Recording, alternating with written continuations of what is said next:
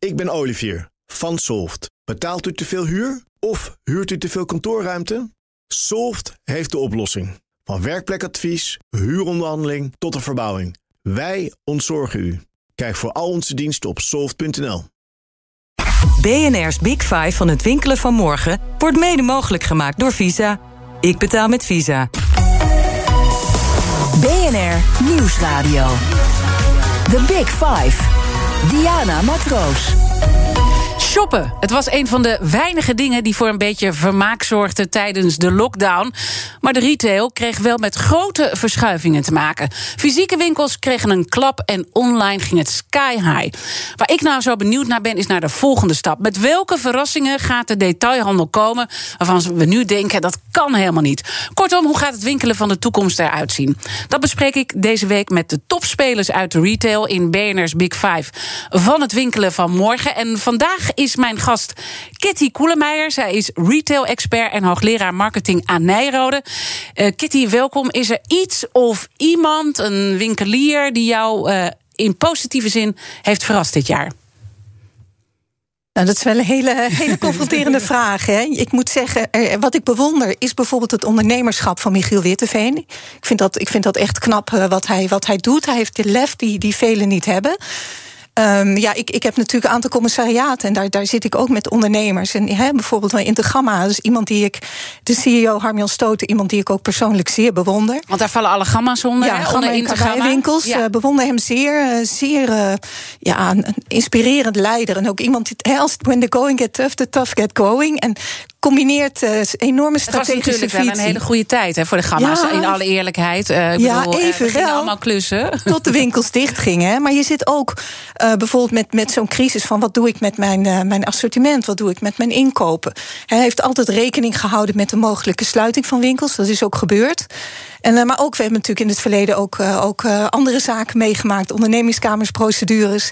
En ja, ik, ik ben in, zeer onder de ja. indruk van zowel zijn strategisch inzicht als zijn, zijn uitvoerende, hè, zijn executie. Ja. En als we het nog even hebben over Michiel Witteveen, hè, want je zegt heel knap wat hij heeft gedaan met de blokker. Daar was je eerder natuurlijk best wel kritisch over. Nou, ik, omdat. omdat um, ja, omdat je, het, is, het is voor een buitenstaander niet altijd duidelijk wat iemand wil met zo'n formule. Hè. Soms wordt de formule uitgekleed en is het feitelijk een vastgoedtransactie. En uh, Michiel wil dus echt met die formule echt succes maken. En dat, dat weet je op het moment dat het gebeurt, weet je niet wat, wat de echte drijfveer is. Dus van zelfs iemand. de retail-expert van Nederland, die wordt nog wel eens uh, verrast dat je toch niet helemaal op het goede punt zit. Ja, dat klopt. Ja, ja ik ja. moet het ook maar doen met de informatie die je krijgt. Uh, maar... Als we dan kijken naar deze coronatijd, je hebt al even twee um, ondernemers genoemd dan in dit verband. Maar wat is nou iets wat we in ieder geval moeten weten aan grote verschuivingen die nu gaande zijn? De grote verschuiving is natuurlijk het enorme doorzetten van online verkopen. Hè, en ook in de food. Want dat was altijd maar een procent of 2,5, 2. En uh, iedereen was daar zeer sceptisch over. Ik heb ook journalisten aan de lijn gehad die zeiden: ja, maar mensen vinden het zo leuk om naar die supermarkt te gaan. Gaat nooit gebeuren dat dat 10% of meer wordt. En ja, dat, dat gebeurt dus wel. Uh, mensen ontdekken het, het gemak van online kopen. Maar ook mensen die het zelfs niet overwogen om dat te doen, die, die kopen nu online. Dus corona heeft ons een jaar of vijf tot tien vooruitgezet in dat, uh, in dat opzicht. En uh, ja, wat, wat echt de verrassing is, je noemde het al, is de, de, ja, de kracht van de lokale winkels, van de buurtwinkelcentra. We werken meer thuis, we gaan natuurlijk ook meer blijven ook meer lokaal kopen. Maar ja, tot, tot de COVID-pandemie dacht iedereen er komen iets van 15, 20 echte grote winkelcentra. Dan heb je nog uh, de lokale gebieden waar een, ja, een, een drogist, een supermarkt en nog wat gemakswinkeltjes zitten. Maar dat is het dan ook wel. En dat de prijs van het vastgoed in die, in die, in die lokale winkelgebieden, ja, dat, die, ging omlaag. Maar je ziet nu dat dat. Uh, dus heel lokaal goed is gaat gewoon uh, hartstikke goed ja. uh, eigenlijk. We, we, zagen ook toen ik met Michiel Witteveen sprak, die zei: Ik ga ook heel erg inzetten op dat lokaal. Hè, dus die is steeds meer juist winkels aan het openen. Terwijl je ook weer ziet dat andere bedrijven hun winkels juist weghalen. Ik noem even een zeeman die daar ja. dus juist weggaat. Dus uh, wie doet het dan handig? Doet Michiel Witteveen het handig van Blokker of doet de Zeeman het handig? Kijk, Blokker verkoopt heel veel merken van, van, van uh, leveranciers. Hè. Blokker heeft natuurlijk wel een eigen merk, maar dat, dat is relatief klein. Mm. Dus wat je ziet is mensen die kunnen wachten op een aankoop, hè, die, die een dag of een week of langer kunnen wachten, die kunnen dat ook heel goed online kopen en voor de laagste prijs uitkiezen. Maar je hebt ook mensen die hebben even snel wat nodig. Blokker is qua prijspropositie echt niet duurder dan, dan wat je over het algemeen online vindt. Dus ja, die lokale voorziening, dat is ook een vorm van convenience, van gemak.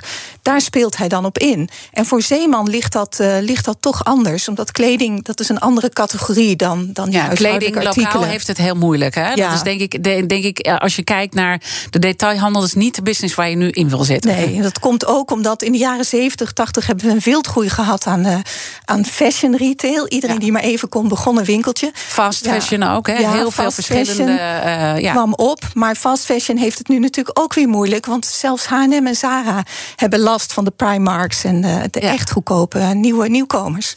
Als we dan kijken naar dat lokale, hè, waarvan jij zegt dat is echt wel heel opvallend dat die het zo ontzettend goed hebben gedaan. Denk je dan dat het echt ook iets blijvends is voor de lange termijn? Want dat lokale heeft natuurlijk ook een enorme push gekregen door het thuiswerken. Nou gaan we deels wel thuis blijven werken, maar we gaan ook wel meer de hoorte op natuurlijk. Ja, kijk, ja, dat lokale, dat, uh, ja, dat, ik denk dat het hand in hand gaat met de toename van online. Hè? Dat, je, dat je dus op het moment dat er weinig online verkocht wordt, dan, dan moet je eigenlijk wel naar een bepaald winkelgebied, winkelcentrum. En vergeet niet, het overgrote deel van de koopbeslissingen begint online. Mensen zoeken online, ze vergelijken online. En dan, uh, niet voor alle producten evenveel, maar dan gaan ze naar een winkelcentrum. Maar om, omdat het nu veel meer online gebeurt, ja, heb je toch wat minder, minder behoefte aan die hele grote winkelcentra. Ja, en tegelijkertijd zie je dan ook de keerzijde daarvan, een leegstand. Er zijn zelfs voorspellingen eh, van het eh, Planbureau voor de Leefomgeving. Die zegt die leegstand stijgt in 2022 met 40 uh, procent. Ik weet niet hoe jij naar dat soort getallen kijkt. de overheidssteun houdt op een gegeven moment natuurlijk ook op. Dan zullen misschien ook meer winkeliers stoppen. Ja, het is stilte voor de storm. Hè. Die leegstand is nu ongeveer 7,5 procent. Maar als je daar 40 procent bij optelt, dan kom je toch wel richting 10, uh, 10 11. En dat is ook wat Locatus voorspelt, hè, zeg maar het retailkadaster. En dat, uh, ja, ik denk dat dat gebeurt. Want die, die, die overheidssteun heeft natuurlijk ook veel bedrijven die het toch al moeilijk hadden, hè, of moeilijk zouden krijgen, boven water gehouden. En uh, ja, dat, dat, gaat gewoon, dat gaat gewoon gebeuren. Dat gaat gewoon ja. gebeuren. Hoe, hoe ja. groot verwacht jij dat de klap gaat komen in de retail? Ja, het gaat voor een deel geleidelijk. Winkeliers, hè, die geen ondernemers die geen goede opvolger hebben, die beëindigen. We zien dat nu ook al. Uh, je ziet een, een wat, ja, het echt met een klap failliet gaan. Dat willen natuurlijk ondernemers zoveel mogelijk ver, vermijden. Dus dat gaat dan rustig aan. En, en vooral al die kleine ondernemers, hè, dat is een winkeltje hier, een winkeltje daar. Samen leidt dat tot een, een groot effect. Maar het, het gaat dan natuurlijk geleidelijk. Het sluipt er als het ware ja, in. Maar je durft er niet een percentage op te zetten van uh, over een jaar is, is, is dit de shake-out fout. Ja, er wordt wel gezegd 20, 30 procent. En ik, uh, ik, misschien is dat ook wel zo. Ja, het ja. zou me niet verbazen. En dan, en dan zie je dus dat wethouders zich daar zorgen over maken. Zes wethouders onder leiding van de wethouder van Utrecht eh, hebben echt gezegd: joh, er moet meer visie komen vanuit de overheid hierop. Want er komt verloedering, sociale cohesie verdwijnt door ook die leegstand uh, die we gaan zien. Toeristen die zijn vooralsnog toch een, een beetje uh, weg. Die kantoren die uh, leeg staan. Wat, wat, wat vind jij nou van de, van de overheidssteun? Wat je nou hebt gezien in de afgelopen periode. En dat vraag ik ook omdat de topman van Blokker was er ook heel kritisch over. Tjeerd die ik eerder sprak, heel kritisch over. We worden gewoon niet goed gesteund. Ja, die NOW, die, uh, ja, die, die, die durven heel veel grote ketens, die vroegen dat niet aan. Ook omdat als je tegen die 20% omzetverlies hangt, hè, want heel veel is natuurlijk gecompenseerd online, ja, dan heb je al snel een, een reputatieprobleem als je als grote keten steun aanvraagt, want je mag dan ook weinig reorganiseren, je mag niks meer. Maar die tegemoetkoming vaste lasten, daar zit de pijn. Want kleine ondernemers, franchise-nemers, hè, die krijgen een relatief hoge tegemoetkoming voor de voorraad hè, en al mm -hmm. dat soort zaken. En grote ketens niet. En dat is uh, ja, onbegrijpelijk, vind ik ook. Ja, wat, wat, wat, want, waar zit hem dat in? Dat, dat de overheid dan blijkbaar dat niet. Uh, ja, de overheidssteun moet natuurlijk ook ergens een keer ophouden. Ja. Ik bedoel, die, die, ja. die, zakken zijn op een gegeven moment ook leeg. Maar tegelijkertijd zie je dat KLM wel uh, gigantisch overeind gehouden wordt. Dat klopt, ja, dat is omdat ze op, op het niveau van bedrijfseenheid, hè, op, op bedrijfsniveau, denken. En of je dan een heel kleine BV of een eenmanszaak hebt of een grote corporate, dat, uh, dat maakt dan voor de overheid niet uit. Ik weet niet alle details, maar ik weet wel dat de Europese regelgeving daarbij een rol speelt. Ik hoor bijvoorbeeld van Detailhandel Nederland dat daar veel meer mogelijk is dan nu wordt gedaan. Dat de Nederlandse overheid daar toch terughoudend in is geweest, omdat dat een lang traject zou zijn. Ook dat wordt weer betwist. Feit is misschien is ingewikkelder, al die verschillen. Ja. Je kan makkelijker één keer KLM helpen. En dat is ook een soort strijd, misschien ook wel met het buitenland. Ja. En iedereen stond onder druk. En die winkel, winkelketens onderling waren natuurlijk ook verdeeld. Hè. bijvoorbeeld de supermarkten doen het ontzettend goed. En die willen eigenlijk een beetje afzwakken, hè, het resultaat. Uh, andere ketens uh, ja, die, die zeggen van nou ja, ik red het wel en ik wil eigenlijk helemaal geen gedoe met, uh, met steun. En dan heb je een paar ketens en Blokker is er daar natuurlijk één van. Die zegt ja, maar ik kan dat juist heel erg goed gebruiken. Want ik heb dat nodig, omdat dat natuurlijk toch een onderneming is die is overgenomen, die, die, toch, ja. die het toch wat krapper dus heeft. Het is gewoon wisseling in de markt. En, en wat ik dan gewoon heel boeiend vind, want corona hebben we gezien ook in andere sectoren. Het haalt ook op wat er eigenlijk onderhuids al aan de hand was. Ja. Het legt de pijn nog ja. meer bloot. En dan zie je ook allerlei strijdpunten tussen de grote retailers. En heel exemplarisch is natuurlijk Jumbo aan de ene kant met de HEMA. En aan de andere kant Ahold Delhaize met Ethos. En de hele strijd om die topvrouw. Die ja. was natuurlijk, de Volkskrant heeft daar een hele mooie reconstructie van gemaakt in april. Hoe kijk jij? Wat is daar toch aan de hand? Jumbo is natuurlijk heel lang de underdog geweest. Hè. Tien jaar geleden zei hè, ongeveer, uh, zeiden ze bij Albert Heijn... ja, daar, daar zit uh, helemaal niet zo'n dreiging. Jumbo is een lokale speler, Brabant, en die, die hebben geen landelijke dekking. Het is allemaal mooi wat ze doen, maar uh, wij maken ons er niet zo druk om.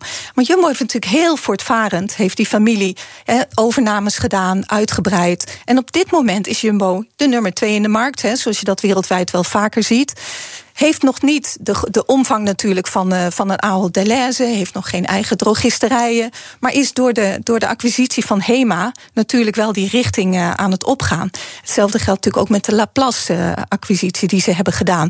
Dus ineens zijn zij een speler om rekening mee te houden. Ja, en dan word je ook overeenkomstig ja. behandeld. Ja. dus, en, en gaat dan Ahold de Hes, want in die uh, reconstructie van de Volkskrant... die een heleboel mensen hebben gesproken... en niemand durft eigenlijk het openlijk te zeggen. Dus het is allemaal anoniem dat die, die, verhalen dan de ronde doen. Maar die zeggen eigenlijk dat Ahold de Hes veel te ver gaat... als het gaat om de machtsstrijd. Ze hebben bijvoorbeeld ook de, de, de, degene van de kruidenpotjes... hoe heet ze ook alweer, Eurom hebben ze onder druk gezet... omdat die weer met Parcom samenwerkt... of onderdeel is van Parcom... en die heeft natuurlijk 50 in de HEMA. Gaan ze te ver? Nou, die verhalen gaan natuurlijk altijd over marktleiders. Hè? Dus elke partij, elke grote retailonderneming die veel marktmacht heeft, die heeft die verdenkingen. Mm -hmm. En voor een deel zal het zeker waar zijn. Voor een deel is het natuurlijk ook iets wat aan je kleeft als je zoveel inkoopmacht hebt. Hè? Want, want leveranciers die, die, die passen zich dan ook wat sneller aan je aan. Uh, of, of Ahold Delhaize of Ahold daar te ver in gaat, dat, uh, dat kan ik niet beoordelen. Omdat ik, ik, ik ken gewoon de, de in, ins en outs van deze zaak niet. Maar, nee, maar er zijn wel heel veel mensen die er ja, wat over marktmacht, gezegd hebben. Marktmacht leidt hiertoe. Wereldwijd, ja. overal, altijd. Die verhalen gaan ook over Walmart, nou zijn die veel groter. Het zou me niet verbazen. En het zijn altijd die incidenten die ja. dan uh, heel veel aandacht krijgen. Maar ik sluit niet uit dat Jumbo daar ook niet voor terugdeinst. Hè? Dat horen we nu natuurlijk niet. Nee, want, want, want, dat is natuurlijk ook het interessante. En gisteren vroeg ik ook aan de topman van onder andere dus Blokker, Michiel Witteveen, van wil je niet, want die wilde ook ooit de HEMA kopen. En hij heeft nu intussen koffiecupjes. Uh, uh, daar, daar, maakte hij nog even reclame uh, voor gisteren. wil, ik, ik vroeg aan hem, wil je niet ook gewoon stiekem een beetje die kant op van de HEMA? Dus, dus is er er ook niet gewoon in, in de retail een branchevervaging uh, gaande? Zeker, zeker. En dat komt ook door die grote tech-ondernemingen... Tech die zich eigenlijk van geen indeling in, in sectoren en branches wat aantrekken. Hè. We weten allemaal de grote, de, de grote vijf... Ja, die, die zitten net zo makkelijk in retail als in gezondheidszorg... als in, in finance. En die, die zorgen voor die vervaging. En de consument raakt er ook gewend aan... dat je allerlei producten overal kan kopen. The Big Five. Diana Matroos. Deze week praat ik met vijf kopstukken over het winkelen van morgen. Eerder sprak ik al met de CEO van CCV. Dat is de grootste speler als het gaat om het pinnen eh, in Nederland. Maar ook in Europa zijn ze heel groot. En Michiel Witteveen, hij viel al een aantal keer eigenaar van Blokker, BZC en Intertoys. Allemaal terug te luisteren in onze app. Mijn gast vandaag is Kitty Koelemeijer, retail-expert en hoogleraar marketing aan Nijrode. En volgens mij hadden we een hele mooie brug eh, te pakken net. Als het gaat om die branchevervagingen, zei je, de consument raakt daar ook heel erg uh, aan gewend. En uiteindelijk bepaalt de consument natuurlijk welke formules overleven en niet. Uh, wat wil de consument van nu? Wat zie jij daarin? Ik zie daar twee echte grote trends in. De eerste is de trend van ja, eigenlijk instant gratification, onmiddellijke behoeftebevrediging. En dat gaat dan heel ver. Dat heeft te maken met ik wil iets en dan wil ik het nu. Dus feitelijk wil ik alles wat ik maar kan bedenken krijgen op een moment en een plaats dat ik het wil. Dus eigenlijk dat de omni-commerce gedachte. Of als ik in het park zit, wil ik een broodje.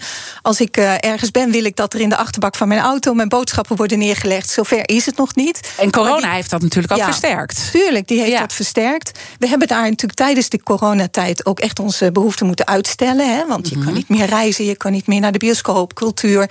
Alles hebben we moeten uitstellen. Dus die, die, die behoefte om onmiddellijk uh, aan je behoefte, in je behoefte te voorzien, of die, die nood die, die is er wel. Maar die komt ook doordat heel veel aanbieders, met name online aanbieders, de grote marktplaatsen, die zijn bezig om, om daar de standaard op voor neer te zetten. Hè? Dus steeds sneller leveren, uh, onder steeds betere voorwaarden. Ja, en dat wendt en dat verwacht je dan overal. En is, zijn dat dan met name jongeren die dat heel erg willen, dat instant bevrediging, of, is, of, of speelt dat breder? Het speelt veel breder. We zien ook een enorme toename van oudere mensen die online gaan kopen. Het is echt, we noemen dat hedonistische adaptatie. Hè? Je krijgt iets wat je eigenlijk toch wel heel fijn vindt. En je raakt daar razendsnel aan gewend. En dan zie je dus dat er nu een aantal uh, grote Duitse partijen uh, op onze markt zitten. Ik noem even een Gorilla's. Dat is een Berlijnse start-up. Uh, maar krijgt nu in die last mile, hè, want daar gaat het uiteindelijk over. Daar ja. is een enorme strijd gaande. Ja. die krijgt wereldwijd ook hard last van landgenoot Flink. Wat, wat, wat, hoeveel sneller gaat het straks worden, dat, dat bezorgen? Hè? Want het kan nu dus al heel snel met zo'n Gorilla's. Ik geloof 10 minuten. Ja, dat is food, hè? Voedsel, food, ja. Voedingsmiddelen. Dat hebben ze natuurlijk ook een beetje afgekeken van Alibaba met hun fresh hippo winkels. Hè, die Goema winkels net, die je net zo schrijft als Hema. Waar je één keer per dag iets gratis bezorgd kunt krijgen binnen een half uur als het maar drie kilometer, binnen een cirkel van drie kilometer is. Maar wat hier feitelijk aan de gang is, is de strijd om, om de toegang tot de voordeur. Dus als jij daarin slaagt om daar een goed netwerk, een goede infrastructuur op te bouwen, dan kun je eigenlijk voor allerlei retailers, voor allerlei aanbieders, kun je razendsnel gaan bezorgen echt een symptoom van die uh, instant gratification. En, en die strijd om de voordeur, uh, dan, dan denk ik daar twee dingen bij. Eén, wat is er achter die voordeur te halen? Uh, en twee, hoeveel last gaat PostNL hiervan krijgen? Ja, PostNL is natuurlijk uh, de marktleider, maar PostNL heeft het tijdens de pandemie natuurlijk ook verschrikkelijk druk gehad. Ik geloof dat Michiel Witteveen daar ook een verwijzing naar maakte van ik ben maar zelf mijn bezorging gaan organiseren. Ja, en hij omdat... gaat het uh, veel professioneler nu maken, want hij zei dit was uh, een Blokker Express. Dat deden gewoon mijn eigen mensen. Ja. Maar ik ga nu echt inzetten om zelf die bezorgdienst op te zetten met fietsen, duurzaam. Met behulp van een derde partij, hè? want hij ja, gaat dat niet helemaal alleen doen. Maar het was niet uh, PostNL, zei Nee, nee, maar dat, uh, daar, daar heb je al die nieuwe partijtjes voor. Ja. En wat het natuurlijk is, als je, als je aan de voordeur zit... Dan, dan heb je gewoon toegang, directe toegang tot die consument. En, en in termen van data is dat natuurlijk zeer aantrekkelijk. En het spel is, want niemand verdient geld. Hè? Ook Alibaba in China niet met dat bezorgen. Ook al breiden ze wereldwijd uit. Het, het spel is zorgen dat je een dicht netwerk krijgt. En dan kun je, kun je efficiënt gaan opereren. En dan uh, dan win je het. Eigenlijk een beetje wat Jitse Groen met Thuisbezorgd ook doet. Ja, maar dan heb je dus die voordeur te pakken. Dus eigenlijk wordt er tot dan toe geen geld verdiend. Dan nee. denk ik, dat is echt wel lullig voor al die uh, kleine ondernemers die daar onder hangen. Ja. Ja, uh, en dan wat gebeurt er dan achter die voordeur met al die data? Hè? Want je bent dan binnen bij mij als consument. Wat gaan ze dan met mij doen, met Jana Matroos? Wat gaat er gebeuren? Het is vooral data over wanneer jij bestelt, wanneer jij geleverd wil hebben. Hè, het is data over jouw bestel, over jouw bestel en, en gedrag en jouw wensen ten aanzien van levering. En die data, natuurlijk heeft, heeft de leverancier, de retailer, heeft natuurlijk ook allerlei data over jou. Maar die bestelpartijen, die, die hebben dus dat, dat netwerk, die infrastructuur. En dat moet dicht genoeg zijn. Dan moet je vaak genoeg in een bepaalde straat komen om dat winstgevend te maken. Dus daar, daar zit de eerste slag. En de tweede is natuurlijk, dat is natuurlijk de data. Want je, dat is, hè, we hadden het over ondernemers die je bewondert. Ik bewonder Picnic ook. Zij hebben echt die, hè, zij zeggen wij willen de, de beste melkboer zijn. Maar ook zij hebben die, die last mile helemaal geoptimaliseerd. Er is geen, geen, geen supermarkt en zelfs Amazon niet die dat kan evenaren in termen van uh, efficiëntie en Mhm. zelfs winstgevendheid. En gaat het dan zo ver, want eh, artificial eh, AI gaat daar dan ook een belangrijke rol eh, bij spelen. Gaan, eh, gaan de retailers voorspellen wat ik eh, uiteindelijk wil? Is dat uiteindelijk die last mile wat het voor impact gaat hebben? Amazon doet dat al. En het is maar de vraag of de retailers dat gaan doen. De platformen doen dat zeker. En welke rol de, ja, de fulfillmentpartijen daar dan inspelen. Hè? Want je hebt natuurlijk de, de aflevering, maar je hebt natuurlijk ook de magazijnen. Straks krijg je dark stores. Die leegstand gaat worden opgevuld met natuurlijk horeca, natuurlijk wonen, werken. Maar daar komen ook ja, lokale distributiecentra, hè, de dark stores. En, en die hebben natuurlijk ook een, schat aan data straks. En is er dan iets waarvan ik nu niet kan bedenken dat het gaat gebeuren, waarvan jij zegt, nou, let maar op. Dit, dit is iets wat er aan zit te komen in dit verband. Ja, er zijn, er zijn sowieso die, die, die apparaten zoals eh, Amazon eh, Echo en eh, Google Home. In, de, in de Verenigde Staten is dat al veel groter. Maar die gaan een, toch een flink deel van onze herhaalaankopen, kleine aankopen, gaan ze oppakken. Dus die, die, die bestellen dan bijna automatisch voor je. Dus dat, dat, wordt, dat kan dan ook helemaal geoptimaliseerd worden. Nu, nu denken we daar nog niet aan. Dus daar, eh, daar Ja. gaat zeker wat gebeuren. En die online. Die Vind je het gaat een goede ontwikkeling? ja, ik, ik zelf denk dat het onvermijdelijk is. Hè? Dus dan denk ik, als het dan toch gebeurt, maak er het beste van. En eh, ja, ik, wat ik heel belangrijk vind, maar dat heeft met die AI en data te maken, is dat de data van de consument zelf zijn. En de consument bepaalt wie toegang krijgt tot die data.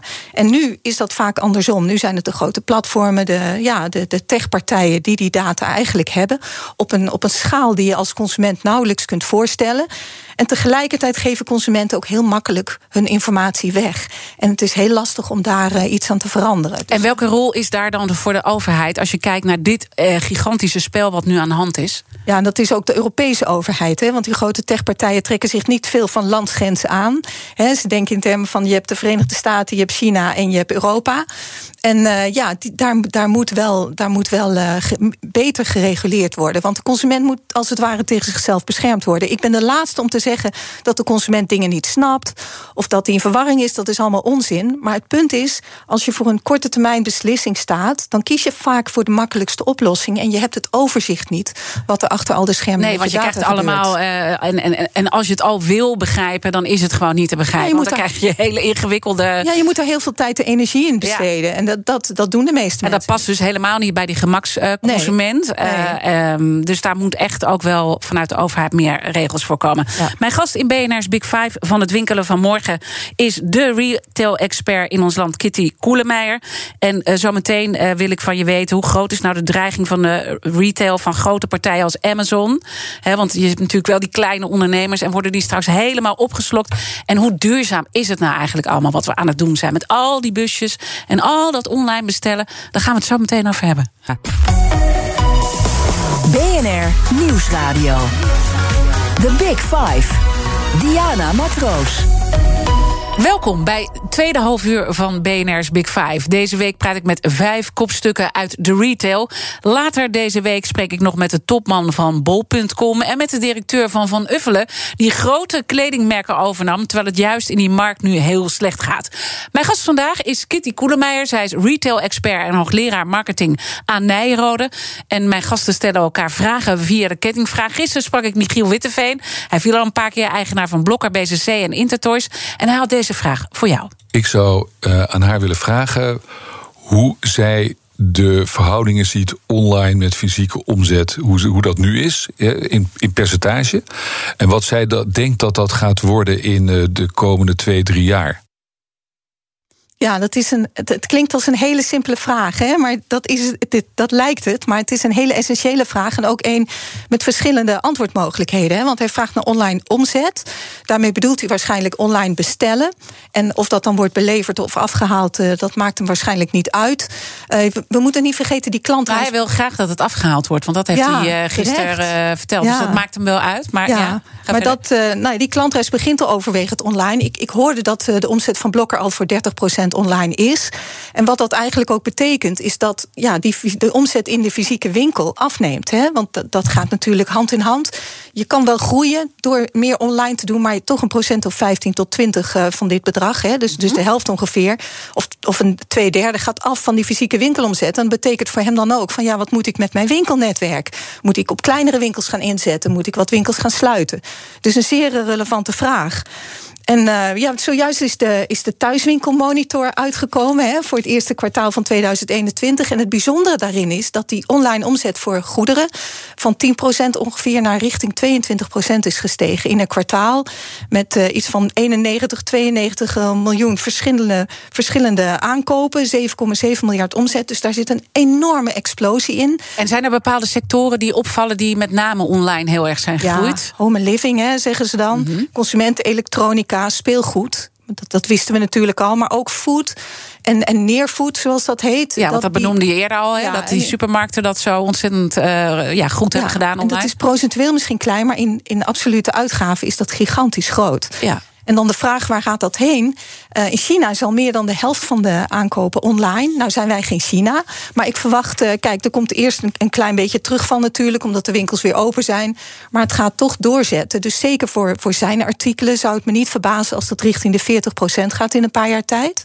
Dus dan is het eigenlijk helemaal niet verstandig... om nu uh, allemaal winkels te gaan openen. Wat, wat hij dus lokaal wil doen. Tegelijkertijd zie je dat lokaal ook weer interessanter wordt. Ja, maar dat worden dan kleinere winkels. Hè? Dan, dat zijn winkels waar geen enorme voorraad in hoeft te liggen... waar niet enorm veel vierkante meters uh, zijn.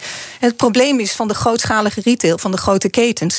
die hebben honderden winkels, maar dat zijn winkels met huurcontracten... met veel vierkante meters. Ja, en daar zit je mee in je maag op het moment dat je online omzet sterk toeneemt. Ja, en die strijd voor, de, voor die huurcontracten ja. is ook al gaande. Hè? Er ja. zijn zelfs ook uh, rechtszaken die lopen. Of soms ook de, ja. de, de, de winkelier die eigenlijk machteloos staat. Want geen geld om zo'n rechtszaak te voeren over, over de huurprijzen. Uh, dus dus die, dat online, dat gaat toch echt blijvend doorzetten. dat, is, dat is gewoon wat, wat, wat jij uh, denkt. En nou weet ik dat uh, de detailhandel ook echt wel moeite heeft gehad in het verleden al. Want er werd al steeds gezegd: zorg dat je online sterk was. Maar dat, dat vonden ze gewoon heel lastig. Heeft dat, is dat nu toch ontwikkeld? Ja, dat is echt, dat besef is echt uh, ingedaald. En je ja, hebt natuurlijk maar doen ze het dan ook goed? Want besef is één, maar het goed doen is twee. Nou, de ketens, je ziet ook, Blokken heeft natuurlijk ook een lange historie van worstelen mm -hmm. met online. Hè. En dan, dat hebben ze dan nu uh, eindelijk goed gedaan, heeft lang geduurd. Maar je hebt natuurlijk ook ketens zoals ja, Action en de discounters, die, die eigenlijk zeggen: Mijn bonbedrag is zo laag, ik kan dat helemaal niet online verkopen. Hè. Dat geldt bijvoorbeeld ook voor kledingdiscounters. En ook die zijn nu toch naar manieren aan het denken om online, uh, online uh, zaken te doen. Afhalen in de winkels is natuurlijk een hele interessant model mm -hmm. daarbij. Maar eigenlijk is iedereen ervan bewust. En het, het echte probleem is voor de kleinere ondernemers, de kleinere winkels. Die de, heel sterk de neiging hebben om ieder voor zich de dingen te doen. Dan ook hun webshop en ook alles wat daarbij komt kijken zelf te doen. Um, Bol en, en grote platformen die zeggen: doe nou niet zo moeilijk, doe dat nou via ons en besteedt zelfs een deel van de fulfillment aan ons uit. En de goed, daar betaal je dan wel wat voor. Maar dan krijg je ook een veel groter bereik mm -hmm. en online traffic uh, voor terug. Maar er zijn toch veel ondernemers, ja, die willen dan ook zelf een webshop. En dat is misschien een leuke bestemming voor de mensen in hun, in hun ja. omgeving. Maar de vraag is of dat het werk waard is. Je noemde eerder dat je, je bent uh, lid van een aantal raden van commissarissen. En je noemde zelf de BNS Group. Hè, en de, die zijn, uh, dat is een groothandel in drank, health en beauty producten. Aandelen zijn beursgenoteerd. Maar ik zie ook dat jullie uh, direct uh, leveren aan uh, klanten. Maar dat jullie ook leveren aan bekende ketens zoals Action, Kruidvat, Amazon, Bol.com. Dus eigenlijk nou ja, dat, dat, hè, dat, is, dat is een belangrijke partner ook voor jullie, vanuit jouw uh, lid van uh, Raden van Commissarissen. En tegelijkertijd zie je dat die kleine spelers bijna opgeslokt worden door al die grote partijen. Dus, dus is dit nou wel goed voor die MKB'er, vraag ik me elke keer af. Voor die MKB'er is dat, is dat zeker moeilijk. Um, ja, het was natuurlijk een MKB'er die, die gedijde natuurlijk altijd op zijn lokale binding, of zelfs regionale binding. Hè? Maar als natuurlijk de mensen die in jouw omgeving die je goed kent, als die steeds meer online gaan kopen, ja, dan, dan heb je toch een probleem. Je kunt je dan aansluiten bij platformen. Dat, dat helpt initieel enorm uh, in je omzet. En je ziet ook dat een bedrijf zoals Bol, die heeft geen private label. Dus waar Amazon van beschuldigd wordt de data te gebruiken om zelf alternatieve producten te ontwikkelen en goedkoper te ja, verkopen. Dus Bol is dan de wat Bol eerlijke speler ja. Dan. Uh, ja. uh, Maar goed, weet je, jullie als grote partij, want dan zet, ik jou toch eventjes ook in, in, in die BNS-groep, uh, is natuurlijk om zoveel mogelijk die markt te beheersen. En uiteindelijk kan die kleine ondernemer niet anders dan, dan maar op zo'n platform uh, uh, zich gaan positioneren.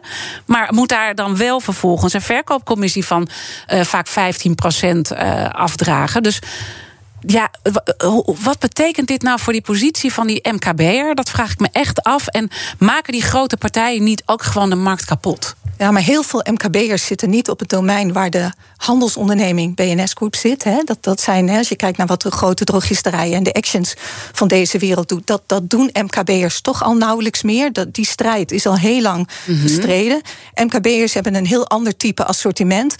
En ja, wat, wat, wat ik nee, gewoon. maar ze moeten mee op die online platform. Hè? Ja, dus dat is eigenlijk. en dat, dat adviseer jij ook. Ja, of samenwerken en Ja. samen iets oprichten. Want Maar daar hoe- schort het aan. Zij moeten dat veel meer de handen ineens slaan. En niet alles zelf willen doen.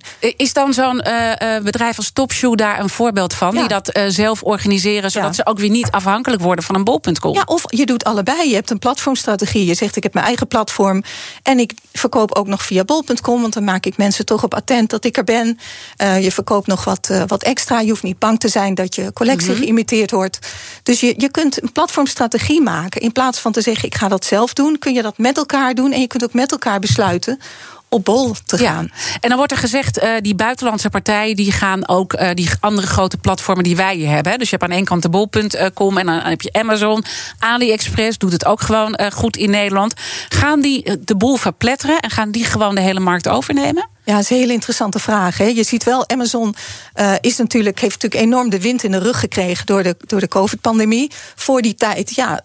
Is het, het is zo met Amazon. eh, ze hebben natuurlijk een aantrekkelijke propositie. Ze hebben Amazon Prime, ze hebben die videostreaming, ze hebben gaming. Hè, ze hebben een heel ecosysteem. Maar je ziet altijd in landen waar al een hele sterk lokaal heel sterk lokaal platform is, dat het voor hen veel moeilijker is. Want zij moeten die customer database moeten ze goed opbouwen. Hebben ze natuurlijk al voor een deel vanuit Duitsland gedaan. Maar er is gewoon een goed alternatief. En Bol, ja, evenaart qua prijsstelling en service eh, propositie zo ongeveer wel Amazon. Ja. Dus het, het gebeurt, Amazon stijgt wel natuurlijk. eh, en ze hebben ook eh, een en- distributiecentrum nu geopend Ja, in Nederland. natuurlijk, maar dus dat- dat is die regionaal. gewoon eh, Tuurlijk. eh, uitbreiden. Tuurlijk, tuurlijk, zo gaat dat ook met concurrentie. Hè? Dus dat Ja. gebeurt toch. Verpletteren is natuurlijk een ander woord. Maar er zit natuurlijk wel een gevaar in. Omdat meer dan de helft van de groei in de online bestedingen gaat via de grote platforms. Nou, Amazon is zo groot, die pakt daar natuurlijk het grootste deel van. Heeft een enorme inkoopmacht, kan met prijzen veel meer doen dan welke andere Precies. partij ook. En daar zit een heel groot gevaar. En ook omdat Amazon cross-subsidieert natuurlijk de verliezen of het gebrek aan winst op een, hun handelsdeel, hun handelsplatform, het retailstuk, met Amazon Web Services en allerlei andere services die ze aanbieden. En misschien in dat verband interessant om de kettingvraag ook door te spelen naar mijn gast van morgen. Want dat is de topman van bol.com, Huub Vermeulen. Huub Vermeulen. Wat zou je hem willen vragen? Ik zou een Huub willen vragen hoe hij kijkt naar de fysieke retail. Dat kan ook omnichannel zijn. Uh, hij wordt natuurlijk altijd gevraagd naar, naar online spelers en de concurrentie met Amazon. Maar hoe ziet hij de toekomst van de fysieke winkel? Wat moet er gebeuren in de formule van, de, van de fysieke winkel?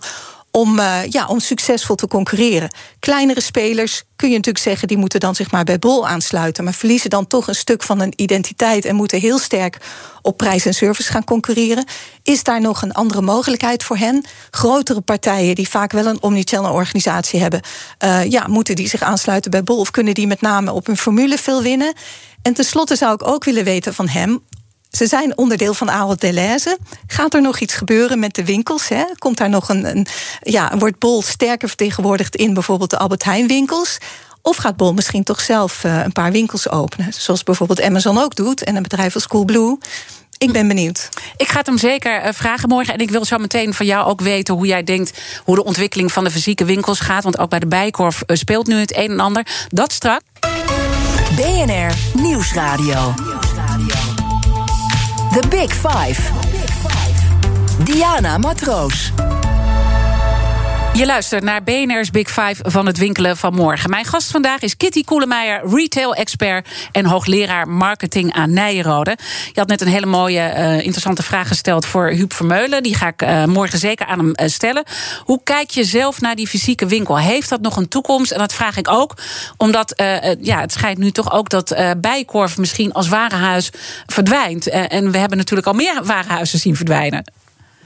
Ja, die fysieke winkel die is, die is ja, die, die kunnen we gewoon niet missen. Die is ontzettend belangrijk. Het, het probleem is, we denken vanuit kanalen. Hè. Het is of online en dan heb je verschillende online kanalen. Je hebt het fysieke kanaal. Accountants dwingen bedrijven ook om zo te denken. Maar die consument denkt zo niet. Die, die denkt gewoon, er zijn verschillende punten, verschillende plekken... waar ik kan bestellen, waar ik kan kiezen, vergelijken... Hè, waar, ik, waar ik dingen kan doen. En die fysieke winkel die, die is nu nog onmisbaar met name ook om die sensorische informatie. Als je online koopt, het is plat, je kunt lezen en horen. Maar allerlei andere dingen, ruiken, voelen, het is, het is er allemaal niet. En dat is er in de fysieke winkels wel. Dus als je kijkt naar de strijd tussen fysiek en online, dan speelt hij zich op twee punten af. Dat is die convenience waar we het over hadden, maar ook die beleving. En die beleving heeft dan ja, alles met, met sensoriek, hè, de zintuigelijke informatie eh, te maken en de beleving daarvan. Maar ook met dingen als personalisering. Hè, het persoonlijke hulp, persoonlijke advies, iemand die jou kent, die iets echt speciaal voor jou doet. En dat, daar wordt online natuurlijk ook op ingezet met allerlei bots en, en artificial intelligence. Maar ja. Wat ook geldt voor convenience. Want in de winkelstraat kan het lastig zijn met parkeren en alles. Maar als je een winkel treft met iets op voorraad, heb je het ook meteen.